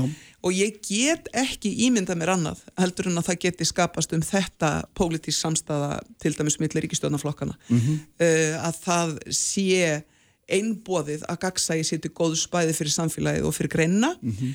uh, svo er það Það þýr þá verði og aflaheimildum verði ljóst Já, sem að enginn hefur mátt vita mistu Já, það þýðir já. það og, það, og það, er, það er auðvitað ansi stort skref já, og mikil breyting og, og maður finnur fyrir því að tilteknir hagsmunnaðilar hafa áhyggjur af þessu og, og uh, vegna þess að það eru auðvitað mikið í húfi fyrir, fyrir ákveðin fyrirtæki og svona ákveðinar greinar í, í sjávarútvegi uh, en ég held að þegar öllur á bátningkvöld þá sé meira í húfi fyrir sjávarútvegin sem mm. held að ná því að lifta sér upp úr uh, þessari, þessari þá sjáum, við, þá sjáum við hvert því svo kallega markasverð er á heimildum ekki satt, þá vitum við nákvæmlega á hvaða Hver, á hvaða verði þær ganga köpum og sölum? Já, það er að minnst og kosti uh, markmiðið mm. að, að það sé meira sínilegt og, og þarna eru við líka í þessum tillögum að leggja til að, að veðikjöld verið hækkuð og það er raunar í samræmiði það sem að þingið hefur þegar ákveðið mm. í fjármálagállun og svo kannski er það sem að, að sætir mestum eða miklum tíðundum uh, pólitíst uh, er að það er lagt upp með það að það verði gerða tilrönnum með að bjóða upp hluta við heimildu til takmarkast tíma. Uh, og þarna erum við raun og verið að tala um uh, lítinn hluta til takmarkast tíma og, og ég sko legg áherslu á það að, að þessi tilraun er hluti af því að freysta þess að ná meiri svona pólitískri samstöðu um þetta stóra mál mm -hmm. uh, og, og ég vil nefna það líka í þeim efnum að sko stjórnaranstæðan síndi mikil heilindi í þessari vinnu og, og mér fannst að skipta gríðarlega miklu máli að, að þar var fólk að leggja uh, sínar uh, pólitísku pælingar og mm. sína afstöðu á borðið til þess að reyna að frista þess að, að halda samtalenu opnu mm og mér fannst það mikilsverði en núna eru þetta næsta skref að undirbúa frumvarpið og, og, og það fer þá í samráðskátt og þetta er náttúrulega langt ferli en það sem er mikilvægast í þessu öllu saman er það að við erum með stort metnaðafullt verkefni sem að verðskuldar þessa yfirferð mm. og verðskuldar þetta umfang vegna þess að þannig erum við með eina af okkar mikilvægastu atvinnugreinum sem að á alveg gríðarlega tækifæri inn í framtíðina og um, möguleika bæði í nýsköpun, þróun, fullvinnslu, mm -hmm. vermaðasköpun og svo framvegs og, og við eigum að þýna þennan metnað og við eigum að gera þetta þessum skala vegna þess að það, það er ekki gott í stjórnmálum yfirleitt að leysa mál fyrst og fremst með plástralustnum til skamstíma.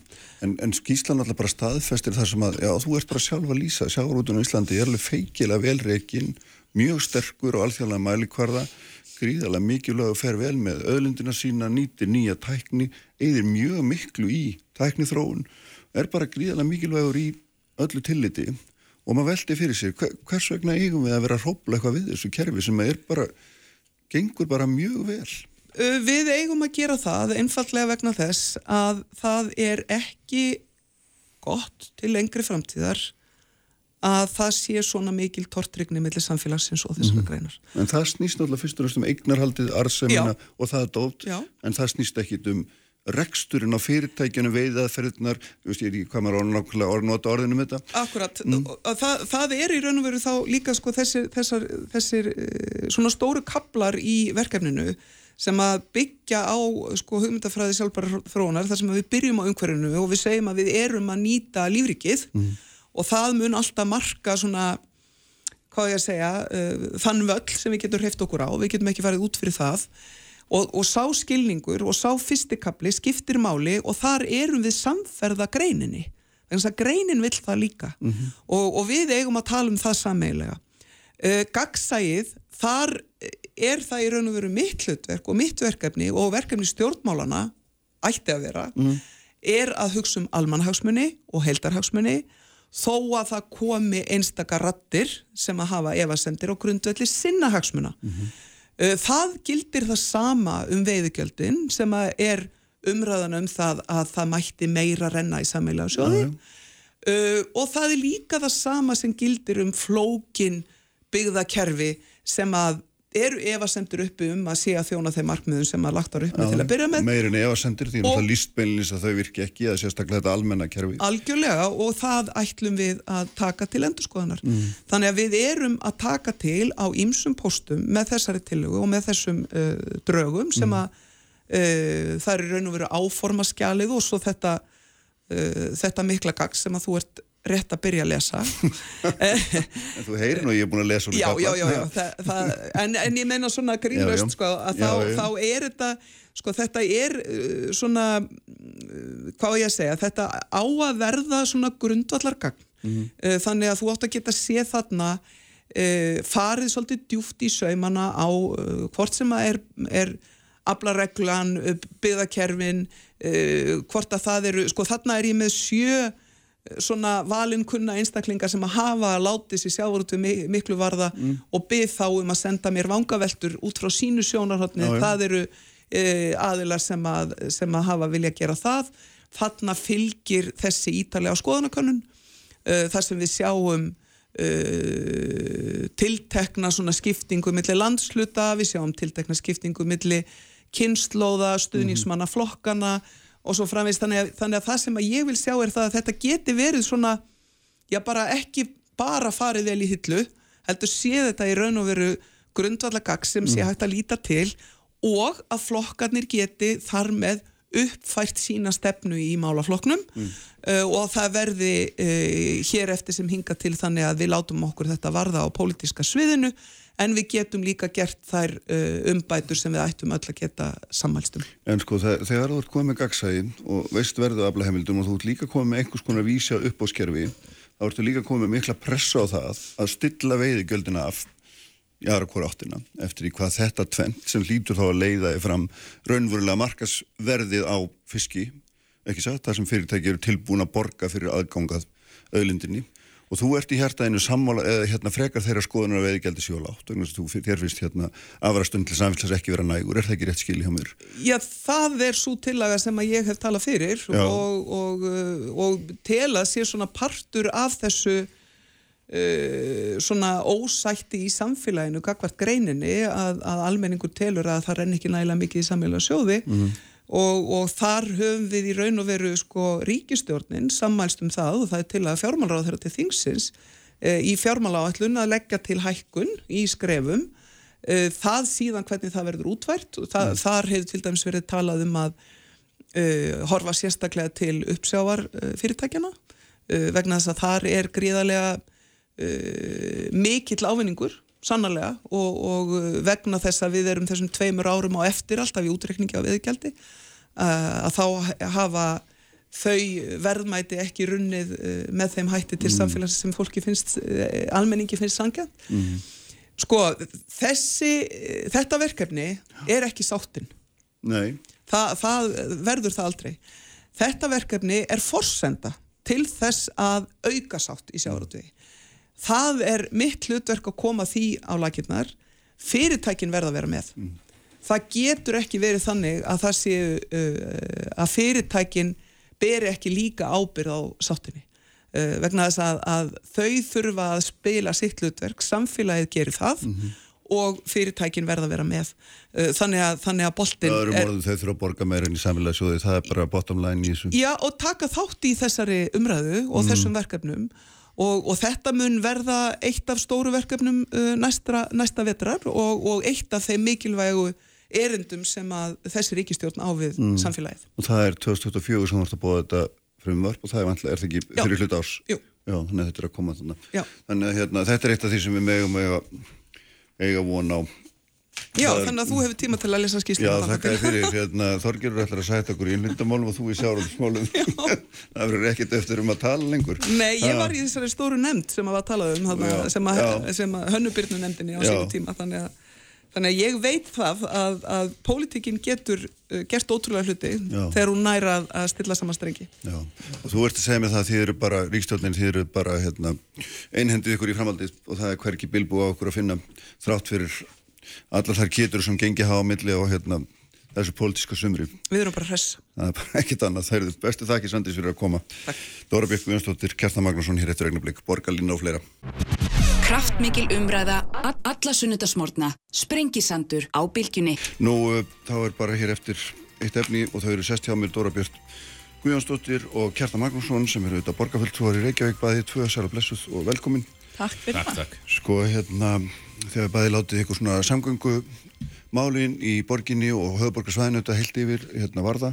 Og mér finnst það svona að vera ákveðin ákveðin tímamót þegar að forman sjálfstæðarflósin saði bæði hér fyrir viku og, og víðar auðvitað og eins í ræðu á flóksvarsfundinum að hérna það þurfti að endur skoða samgöngusáttmálan það kostnæðin væri farin úr böndum og, og hérna hann væri ekki til í að, að skrifa upp á áform sem áttu að vera held ég upp á einhver 60-70 millir hann væri komin yfir 200 eins og ég, ef ég man það rétt það sem hann sagði.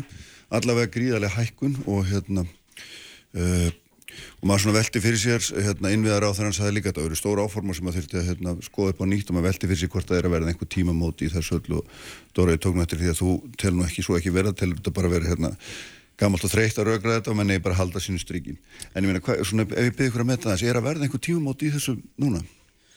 Sko, það sem ég hef sagt um þetta er í rauninni að það er ekkert óæðilegt við það að endur skoða sáttmála sem var undirritaði fyrir fjórum árum síðan. Mm -hmm. Sérstaklega í ljósi þess að það hefur verið mikil verðbólka, e, það er ákveðnar vanáallanir sem að, e, eru þarna í sáttmálanum og, og margt sem er alveg ástæði til að staldra við og skoða og það er fullkomlega í takt við nákvæmlega lönd okkar, mm. uh, samgöngusáttmálinn byggir á, fordæmi, til dæmis sáttmála í Nóri og, og hérna Svíþjóð.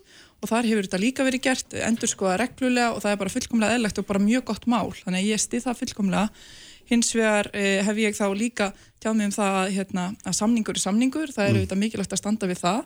Og þessi samningur eru auðvitað markþættur, það, er, það eru bæðið þarna verkefni sem að varðar stoppuðaframkvæmdir og svo er borgarlína, það eru hjólastígar og það eru uh, það eru göngustígar og þetta er rauninni bara heildar sín Já. til lengri tíma. Þannig að svo sín stendur og ef eitthvað er þá eru áskorunarnar orðnar brýtni á mörgu leiti og við sjáum að til dæmis er okkur að fjölga meira en við eh, gerðum ráð fyrir. Þannig að hérna við erum til dæmis búin að okkur búin að fjölga svo mikið á höfuborgarsvæðinu síðan uh, sáttmálinn var undirritaður að það jafnast á við heilan Garðabæ. Og við gerðum ekki ráð fyrir þessu, þetta er meiri fjölgun uh, og, hérna, og við erum að tala um að sko síðasta einu og hálfa ári þá er þetta, uh, um, er þetta eins og bílaröð til hveragerðis frá skeifunni. Uh, síðustu fjögur, fjögur árin er þetta eins og bílaröð alveg til borgarnes. Þannig að þetta er gríðarlega mikið af þá fólki og þá farartækjum ef við ætlum að halda áfram sömu braut sem að þarf að koma fyrir. Þannig að þetta er einföld rúmfræði að það verður að bregðast við. Og svo erum við líka með þessi e, markmið sáttmálan sem að varða lofslags áskoranir og e, við erum búin að sjá núna í nýjum tölum frá umhverfistofnun að e, markmið e, yfirvalda um að minka losunum 55% fyrir 2030 er ekki að fara nást með við eins og stöðun eins og stöðunni, hún er líklegri talið 24% þannig að við verðum auðvitað, að gera betur í þessu.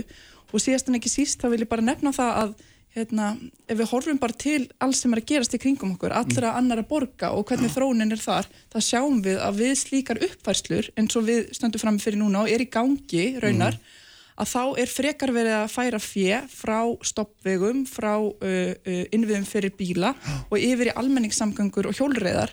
Og það er ekki, það snýst ekki um hugmyndafræði, það snýst ekki um eitthvað bílahatur, það snýst um einfaldar staðrendir sem að byggjast á gögnum af því að við vitum að þetta virkar. Mm -hmm. Kjartan, þú ert hérna, hefur verið að sko fara eiginlega allt ára 80, þú segir hérna nýlega sko að sé ánægilegt að stjórnmálamennum fari fjölgand sem styðja endur skoðun samgöngusáttmálans og hérna og þú gefur bara ekki mikið fyrir þennar sáttmála eða, eða svona þau, þau áform sem að í honum fælast eiginlega. Jú, það er margt, margt gott í sáttmálunum mm. sem ég, ég stið helsögur og ég held allir sjálfstæðismenn til dæmis bara eins og Dórubjörn kom inn á varðandi úrbæti fyrir gangandi og hjólandi mm. sem hefur í jamt og þéttunni að það er að gera á, áfram en það sem veldur rauninni þessari viðhórsbreytingu af mörgum eru bara sá gífulegi kostnaður sem margar framkvæmdi þarna sem er inni eh, hvaða kostnaður er að hækka við erum að, við erum að tala um markvöldu það var eins og sagt í ganni held ég að til að finna út kostnaði við ofnverða framkvæmt, þá erum við að taka frum kostnæraáallunum á markvaldanum með pí sem var í 3,14 mm. sem er þrefaldana en þegar við horfum á framkvæmtir inn í þessum sáttmála eins og bara sæburðarstokkin og, og, og fossósbrú og miklubrutastokk þá sjáum við að framkvæmtakostnæður er, er að markvaldast ég held að það hefði 6 eða 7 faldast við sæburðarstokk og kannski ég er rauninni 6 eða 7 faldast með, með að við upphælar áallanir um fossósbrú sem áttu að kosta miljard þannig að við erum að tala um þetta eru svo, svo gífular hækkanir mm. að við getum ekki bara eins og bara ekkert sé veltið sig yfir að herðar skattgreðenda nú þegar eru við einn skattmyndasta þjóði í heimi erum að borga okkar næstastu skattæðinu og OCD og, og, ef, og bæði ríki og borg eru ekki með tappi ef, að, ef að það farið bara í einhverjar samgönguframkvæmdur upp á hund, hundruð miljardar og tekið bara lán fyrir því eins og mennur vanir að gera þá vitum við að að, sagt, að skuldi í dag er skattur á morgun þetta væri bara fæli í sig skattahækun Hvað viltu nákvæmlega, hvað viltu nákvæmlega hvað þýðir þetta þegar þú talar um, um endurskoðun, hvað, hvað nákvæmlega fælst í svona þeirri hugmynda þinni hálfum? Að, að ná markmiðum sáttmálans um að, um að bæta hér umferð uh, án þess að án þess að taka alla þessa hækkun inn í sem þarna er eins og bara fjármáláður að bendir á, það fyrst að tala um Uh, hann talaði 60 miljardar fór í 100 og svo í 200 miljardar jafnil, jafnil yfir það þegar það kemur að borgarlinunni og, og bætingu á almenni samgöngum þá er ég vissum að það væri hægt að ná mörgum markmiðum sem við erum alveg sammálum það þarf að efla almenni samgöngur með miklu ódýrari hætti en þessari þungu borgarlinu sem er þarna og það kemur ekki óvart og að ba bara borgarlinu hlutin í samgöngusáttmálunum endaði, endaði í yfir 200 miljardum með þessum sex áfengum sem skilgrindir hafa verið Hérna, mér langar til að koma eins inn í tölurnar. Það eru auðvitað verið að metja þetta sérstaklega núna en það er tölur sem ég hef séð hveða á um ekki svona bólnar fjárhæðir eins og kjartannefnir heldur lægri fjárhæði hef hirt 17 miljardar vegna þess að við getum auðvitað ekki e, borið 17 miljardar sem er hvað? 17 miljardar aukning á, á sáttmálunum allavega þær tölur sem ég hef séð frá því frá þessum upp, upphalega já, já, og þá er ég að tala um að núverða að sjálfsögðu, af því að við getum ekki borið saman tölur frá 2019 og 2023 mm -hmm, eðlilega, mm -hmm. eh, eðli málsins samkvæmt. Þannig að hérna, tölurinn er ekki svona mikla ég, ég, ég er pínur uglaðan og að því við tölum um 60-70 miljardar upphafi og nú eru konið yfir 200 eða það er mist einhverju sem óttast það en svo kemur þú með töluna 17 Nei, ég, ég var að tala um aukninguna með við þáverandi tölu. Að aukningin er, við verðum auðvitað núverða skiljum við, getum ekki borðið saman tölur frá 2019 og svo er þetta verðbólka, já, af því að hlutinni breytast í því ljósa að þeir búum, búum við hérna, eh, alls konar aðstæður hérna í mm. Íslandi. Eh, og mér finnst líka skrítið að eh, slá því fram að að við erum að endur sko að sáttmálun sé það eitthvað sjálfsagt að taka borgarlínuna út af borðinu. Mm -hmm. Ef við lítum til nágrannalandana sem við viljum gerðan bera okkur saman við að þá sjáum við að e, allstaðar það sem eru best lífskeiði heiminum e, eru, er verið að fjárfesta veglega í almenningssamgöngum. Og það er ekki af því að það er eitthvað svona krútlegt verkefni dagsbí ekkert svona, það er mm. út af því að þetta eru þetta er bara, það er búið að reikna þetta út hvað virkar best. Og við sjáum það við erum með samgöngu líkan fyrir höfuborgarsvæði og það sýnir okkar að umf umferðinu bara fara að aukast og aukast mm. og áhrifaríkasta leiðin til þess að minka umferð er að bjóða upp á skilvirkar góðar almenningssamgangur með almennilega tíðinni og, mm. og góða þjónustu. En er ekki kjartan svolítið að segja að það séu fleiri leiðir til að því marki heldur en þær sem við erum að vera er að vinna eftir. Nei, það er nefnilega ekki til fleiri leiðir og ég vildi svo oska að já. það væri til fleiri leiðir af því að já. það getur verið að ræða það. Og í mínum já. huga þá er einhvern ekkert til þess að ræða hér vegna þess að ef við viljum byggja ákvarðan okkar á gögnum á faglegu, faglegheitum að þá er staðrindin svo að við verðum mm. að byggja góðar almennilegar almenningssangur þar sem ég myndi frekar vilja leggja borði hér er að við ættum að gera bæta í grænu framkvæmdinar, við ættum að bæta í að gera meira að borgarlínu hraðar, við ættum að hafa fleiri hjólastíga, betri göngustíga og ganga lengri því, alveg eins og aðrar borgir eru að gera. Í síða, síðustu uppfærslu samgöngu sáttmála í Oslo voru 0 krónur settar í engabílinn. Það er ekki út af því að, hérna, að það er eitthvað krútlegt verkefni að, að, að fjárfesta í almenningssangum, það er út af því að það er það sem virkar langbest til þess að kljást við það er krísur sem að allar borgir heims eru að kljást við Já. og ég vil segja að því að Já, þetta er ekki, en hlaupa þetta er ekki Já. eitthvað enga, enga verkefni eða enga áskorun sem að við búum hér frammi, uh, sem að við búum við hér á Íslandi eða í Reykjavík Nei. það að hérna, aukin umferð lofslags uh, vandi, húsnæðis krísa, uh, innviða uh, frekar framkvæmdir og bara innviða uh, kostnaður þetta eru allt krísur sem að allar borgir heims eru að kljást við Mhm. sem að var farið fyrir ný, yfir nýlega á, á mjög áhugaverðu málþingi hjá Brent Toderian sem skipula, var fyrir um skulum í Vancouver. Algjörlega, kjartan má koma ég vil já. bara segja, þetta er Já. ekki enga, Nei, nei, nei, vandamál við, við náðum því alveg en kjartan reynslunni. aðrar hugmyndir voru slegnur út á borðinu í þessari ræðu bara, það er ekki önnuleið Já. og það er náttúrulega bara þessi Jú, sveitafélagin jú. öll eru búin að því öll þínflossískinni Já. hér út um allt Já, en sko, já, uh, það er allir sammála, eða mjög margir sammála það að þeim fjölk fjölkandi sem vilja endur skoða þetta út af þessum alveg rosalegu tölum sem bara við erum að átta okkur á eða sem er átta að segja á núna. Nú, ég hef verið svolítið hissa á því að hvað almenni samgöngur hafi verið vannræktar, finnst mér, í Reykjavík og Hauðborgarsvæðan undir öllum árum, því að það eru svo marga leiðir til þess að bæta almenni samgöngur sem einhvern veginn menn eru ekki tilbúnir, hafa ekki verið tilbúin að fara í uh, í þessu strætókerfi sem við höfum nú þegar. Vi, við rekum nú þegar stræ, strætókerfi sem, sem, er, er ágætt á marga mæljúkarða, er, er alveg hágæða kerfi, þó það mætti, mætti verið betra. Það er svona, það er að sömuleiti, ég, ég segi ekki að segja hrinja, en það þarf virkilega að bæta úr. Forstöri strætói hvað eftir hann að benda á að vagnaflóti að hrinja. Hann, hann fær ekki pening til þess að endunja vagnaflótan. Það var keift hérna mjög lélegt greiðslukerfi fyrir mörg hundru miljónir sem bara, við finnum það bara þegar við komum til ellendra borga því að það nú verður að tala um þær. Uh, kerfið okkar er svona þriðið af fjórðaflokk sem er við greiðslukerfið þar. Uh, strætó, strætó er er ódýri laust. Uh, uh, sérakreinar strætó voru lagðar hérna lengi vel með góðum árangri, mjög góðum árangri. Svo var allt í hún að hætta að leggja sérakreinar strætó. Uh, Tilugur okkar sástæðarsmenn að bæta byðskilu og skiptistöðar, þær hafa verið svæ- svæfðar. Það er lítil sem engin sko, bæting að eiga sér stað á leðikerfinu. Allt þetta sem væri svo auðvitað hægt að gera með strætó til þess að bæta, bæta hann og fjölga farþegum hans sem kostar ekki, þar eru ekki að tala um 20 eða 100 miljardar, sko, þar eru að tala um nokkra miljardar. Þessar, þetta hefur verið sleið út á bor, borðinu, kannski til þess að búa til eitthvað þrýsting á að borgarlína komi, en jafnveg þó að borgarlína komi, með því mætt sem hún kemur, þá ætlum við að halda áfram með eitthvað strætókerfið. Og, ég, ég, og mér stóð skrítið, það er eins og, það er eins og borgarlínan sé notuð sem einhver, fjár, hjá meirlutum Reykjavík, sé notuð sem einhver fjárvistasunni fyrir því að það þurfi ekki að bæta strætókerfið sem við höfum reykið í næstu 100 ár. Ég vil sko koma inn á þetta með strætó. Ég get algjörlega tekið undir það að við þurfum að passa på strætó. Eh, eina ástæðum þess að strætó er í slíkum krökkum sem að, að, að við höfum séð er að sjálfstæðismenn til dæmis öðrum sveitafjölum hafa ekki viljað bæta eh, nægilega vel í.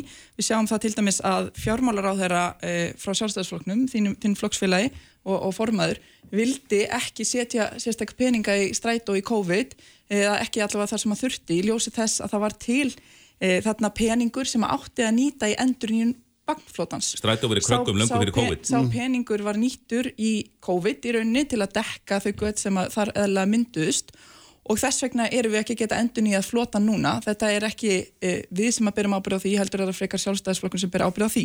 Þannig ég vil ekki allavega að segja Ah. að það sé ekki, ekki svo að við, að við viljum það ekki. En, Reykjavík á við- 60% í strætó. Við- Reykjavík er meirulutan en þetta í strætó. Já, en það verða auðvitað allir að vilja fjárfesta af því að við erum sameinlegur eigandi öll hérna, þessi sveitafjölög sem er hér í Já, höfuborgarsvæðinu. Reykjavík getur Og- neitt afsmunar bara í fyrirtækinu. En mér langar ekki til að rífast um þetta. væri langar- ekki til að- hérna og til að rífast um Já, þetta því engin ástæða til, við erum sammála um það, bætum Já. strætó og gerum Já. það vel. Já. Hins vegar er besta leiðin til þess að bæta almenningssamgöngur að hafa sér rými sem er borgarlína, að hafa góð gæði og almennilega tíðni.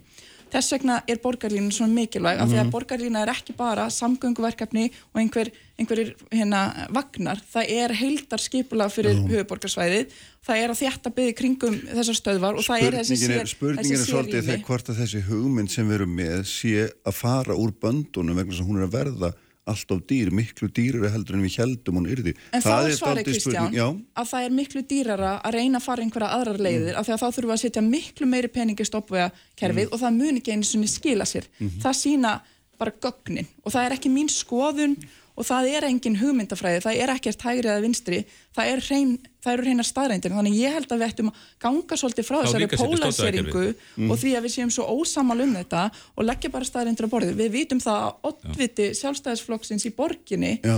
hún er fylgjandi borgarlínu og stutti borgarlínu allt síðasta kjörtjumbil eh, við erum að sjá það að það eru hérna, sveitafjölu allt í kringum okkur sem er stjórnað í ýmsum flokkur sem hafa stutt samgangusáttmálan og og þannig að þetta er ekkert já það er eh, einhverjar einhverjar efasemtur mál. en alltaf líka vakna það er eins og til þess að bæðasturum í Já, Kópavogi. en þá vil ég bara segja sko, skoðum borgarlínu. gögnin Já, og- og- já. og Já. við viljum láta taka lofslagsmarkmiðin alvarlega. Já, Við já. fundum það nú í vetur hvaða mengunin fer illa í okkur sem eru með asma og eldra fólk og hérna, fólk sem vil vera á ferli að þá hérna, er ekki gott að þessi mengun og við viljum minka hana. Kjartan, þannig að þetta snýst, Já. snýst alltaf maður þannig ég vil eiginlega bara spyrja þig Kjartan. Já. Veist, ef þú ert á móti borgarlínu og þú vilt fella hana út úr þessu hvernig ætlað þú að leysa þá rúmfræði að okkur sé að fara að fjölga kannski um 20-25% á höfuborgarsæðinu til 2040 Já. hvernig ætlar að leysa það? Sko, samgangusáttmálinn, hann kveður líka á það að það séu setti peningar í stóttveða framkvæmdir. Reykjavíkuborg mm. samþýtti það. Þær stóttveða framkvæmdir eru mjög brínar. Ég tel að þurfa að duga og, og, samgangusáttmálinn sko felur í sér ákveðna blöndun, ég er sér svolítið hlindu blöndun, það þarf að efla almenni samgangur. Eh, Það var hægt að gera það strax, við vitum ekki hvernig þessi borgarlína verður að veruleika, við getum eld almenni samgangur strax, við þurfum ekki að býja til borgarlínunni til þess, við getum farið ert að tala um. stofnbönda framkvæmdi strax. Já, já, og þá, og bara ef að menn vilja, ef menn vilja kalla eflingu almenn samgangna, eflingu stræt og borgarlínu þá er mér alveg sama, þetta heitir Cityline í, í Köpunöf, Þá erum við bara sammála. Já, ég, ég, ég held eins og það við þetta, eigum að byrja strax, við eigum ekki að býði nokkur ár til borgarlínni og við eigum að gera þetta með eins hagkvæm hætti og hætti er. Ég held að margt verði í borgarlínni verði allt of dýrt, ég tel dæmis þessi fórsósbrú sem átti fyrst að komast kosta miljardar, nú er að tala um 7,5 miljardar hún er, uh, mér, mér er þetta að vera óþörf framkvæmt að vera hægt að leysa, leysa þetta, þetta mál með miklu ódæri hætti. Og ég líka áhyggjufullur yfir bara þessari viðbóta skattlagningu sem átt að hafi för með sér. Uh, þessi með því að keira, uh, keira fjármunna svona upp eða kostnaðin við, við, við samgöngusáttmálun og borgarlinu allt þetta svona upp þá er talað um að leggja á viðbótar vegaskatt í Reykjavík á Reykjavíkinga sem, og höfuborgarbúa sem borgar nú þegar einhver hæsta bílaskatta og bensín, bensíngjöld í heimi það á, það á bæta þessu við á þess að hitt verið hinn skattur við tekin af. Og þá er ég að segja þá erum við bara við, ef það verður að veruleika þá erum við bara markvist að koma okkur í sætið yfir skattbyndustu þjóði heimi. Við erum að sjá það að það eru auðvitað aðra tekjur sem er að koma hér til sem er til dæmis Kjeldnalandið og betri samgangur eru búin að gefa það út að Kjeldnalandi verði líklega dýrmætara en búist var við. Þannig að það eru auknar tekjur inn í þetta. 10-15 miljardar, það fara bennus á ketti sko. En svo verður kannski að auðvitað skoða það þá mögulega að taka út einhverju framkvæmdir eða að fresta framkvæmdum. En ef við ætlum að byggja á- þær ákvarðanir á gögnum byggja því sem að sko þungaviktar fólk í skipulagsmálum í heiminum ekki eitthvað ég eða dagur B erum að segja þá fjárfestum við aukum við fjárfestingi almenningssamgangum þjættingu byggða á hjólreiðum Uh, við vitum það að við erum í rauninni að mörgu, til, mörgu leiti sammálum þetta. Ég held að sé oft verið að reyna að kynda undir einhverju óeiningu og búa til einhverju sundrungu sem er kannski ekki alveg til staðar.